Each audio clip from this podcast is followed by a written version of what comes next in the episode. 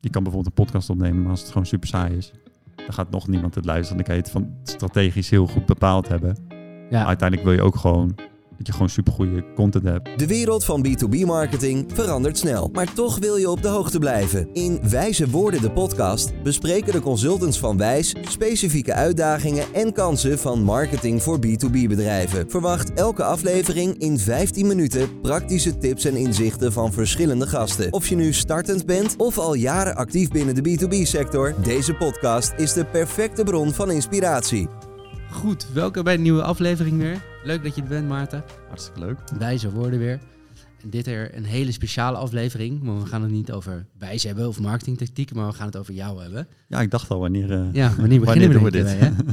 Nee, maar het is denk ik goed ook eh, voor de mensen eh, thuis, hè? De, Ja. de, de trouwe luisteraars die we al hebben, om jou beter te leren kennen en waarom we dit eigenlijk gestart zijn. Een beetje achtergrondinformatie.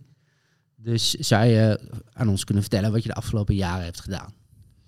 Nou ja, de mensen die mij een beetje kennen, die weten dat ik niet zomaar eh, voor een microfoon ga zitten. Precies. Het is niet dat ik Nee. eh, de oren van je, van je hoofd afpraat continu, maar ja, dit vind ik toch wel heel erg leuk om eh, te doen. Dus dan, Het gaat je aardig goed af. ja, dus dankjewel.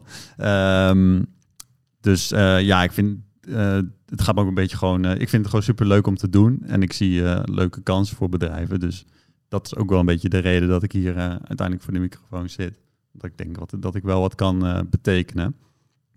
Ehm we samen met Anne Jan ooit eh, alweer een paar jaar geleden, vier jaar geleden alweer, eh websitebezorg gestart.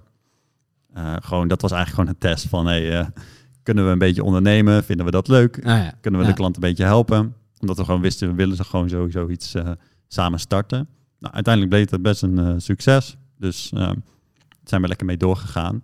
Maar dan krijg je natuurlijk ook steeds meer de vraag van... Hey, je maakt de website eh, en die maakt Ja. wel zo marketingproof Ja. mogelijk. Ehm, maar dan krijg je natuurlijk ook steeds meer vragen van... Hey, kan je bij ons ook niet zorgen dat we wat hoger komen in eh, Google? Ehm, of kan je bij ons de social media niet een beetje doen? Dat soort dingen. Maar even een stapje terug. Waarom Ja. hebben jullie specifiek voor eh, websites gekozen om daarin te gaan beginnen?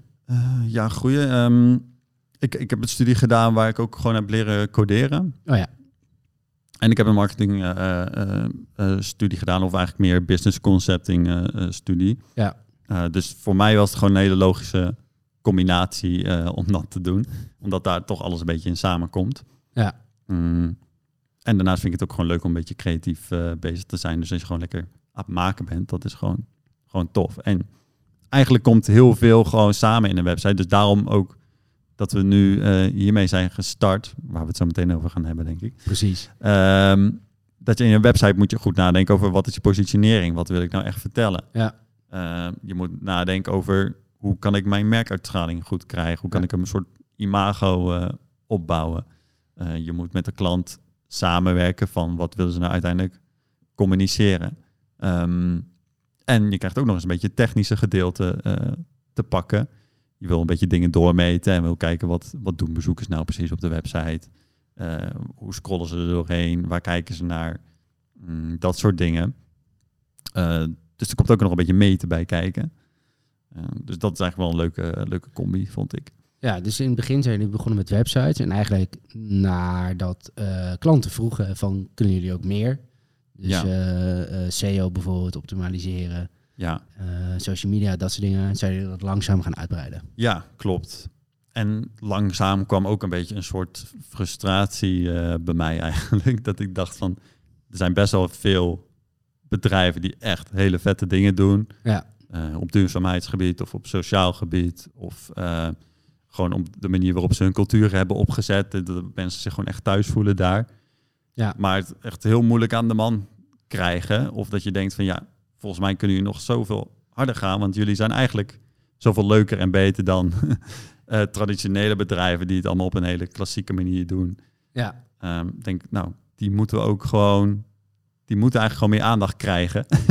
dus, ze laten steken vallen in hun marketing eigenlijk. ja, ze laten gewoon steken van in marketing. En dan Ja. vooral gewoon even gewoon breed. Wat is nou de samenhang van onze marketing? Hoe vaak we wel niet kregen van, ja, maak gewoon even een website. Ja, Terwijl ik heel vaak dacht van, ja, maar je moet wel even een stap ervoor nemen. Wat, wat wil je nou communiceren? Wat wil je nou vertellen? ja precies. Ja. En omdat ze ons een beetje zagen als de website jongens.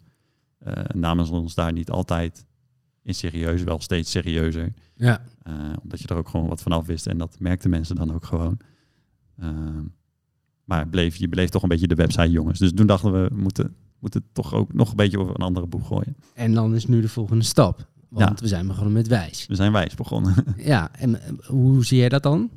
nou, ik zie dat als een hele mooie kans om dus die bedrijven eh, vooruit te laten eh, schieten, zeg maar. Ja, en die samenhang dan eigenlijk in tactieken tot uiting te brengen. Ja, precies. Dus dan, ja, we, we gaan kruipen gewoon lekker dicht tegen die, die klant aan. We gaan er gewoon lekker helemaal in. Kijken wat zijn hun ideale klanten nou precies.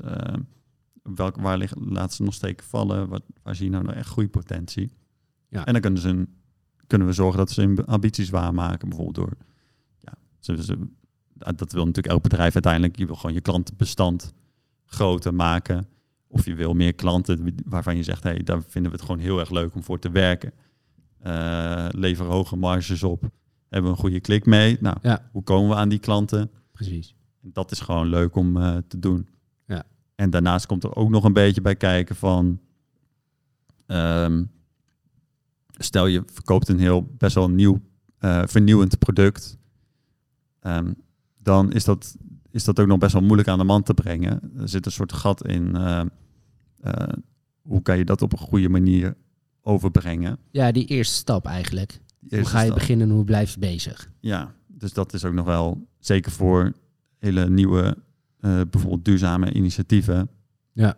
Eh, bijvoorbeeld de klant die we hebben, UV Smart, die dan echt eh, nieuwe, echt veel vernieuwende machines verkoopt om medische apparatuur schoon te maken.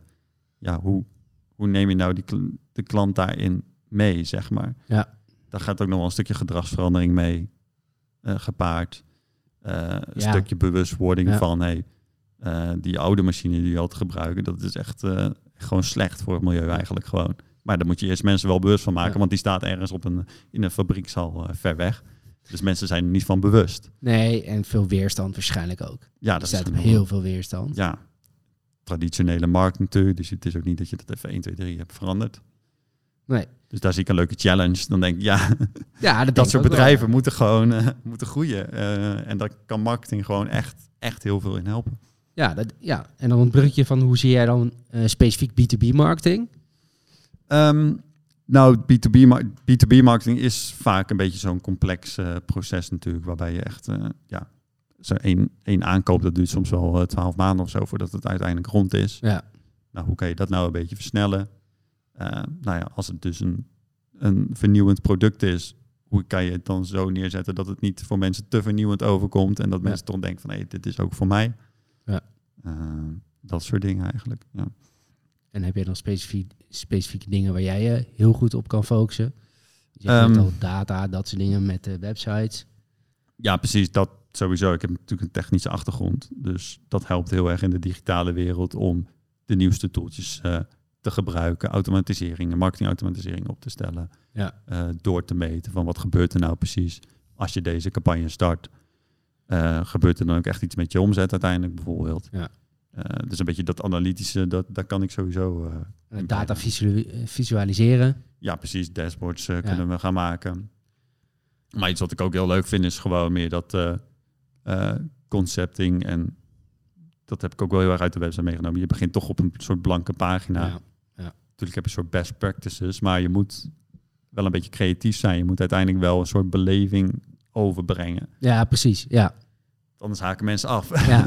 Nee, zeker. Dus je moet eerst eigenlijk op strategisch niveau de overview hebben, voordat je dan uiteindelijk Ja. die vertaalslag kan maken naar bijvoorbeeld messaging. ja, uiteindelijk valt het of staat het ook een beetje met hoe, hoe goed is jouw kwaliteit van jouw content. Als Ja. ik echt Ja. super, eh, ja, je kan bijvoorbeeld een podcast opnemen, maar als het gewoon super saai is, dan gaat nog niemand het luisteren. Dan kan je het van strategisch heel goed bepaald hebben. Ja. Maar uiteindelijk wil je ook gewoon dat je gewoon super goede content hebt, super goede makers ja. hebt, dat er een idee achter zit. Ja. Dat is ook gewoon heel erg leuk om te doen. Mooi. En eh, waar wil je eigenlijk nou graag in de toekomst naartoe? Ehm, ja, dat is altijd een hele moeilijke, maar Afsluiten hoor. Stel je even gerust. ik zal er niet. eh, ja, uiteindelijk lijkt mij, ja, wat ik zeg, ik word een beetje gedreven door de potentie die ik nog zie voor die bedrijven die echt gewoon zoveel leuke dingen doen. Ja, eh, echt ook een visie hebben op... kunnen we de wereld niet een beetje beter maken? Ja, precies. Eh, al is het maar in het klein. Ja. Nou, hoe kunnen we die vooruitbrengen? Nou, dan uiteindelijk wil ik dan wel... Lijkt het me leuk als we een wat grotere agency hebben... waar je dus en heel veel contentmakers hebt... en die strategie kan doen. Oké, nou mooi. Ja. Thanks hiervoor. En dan eh, gaan we op naar de, de volgende aflevering. Yes, thanks. Hoi. Yo.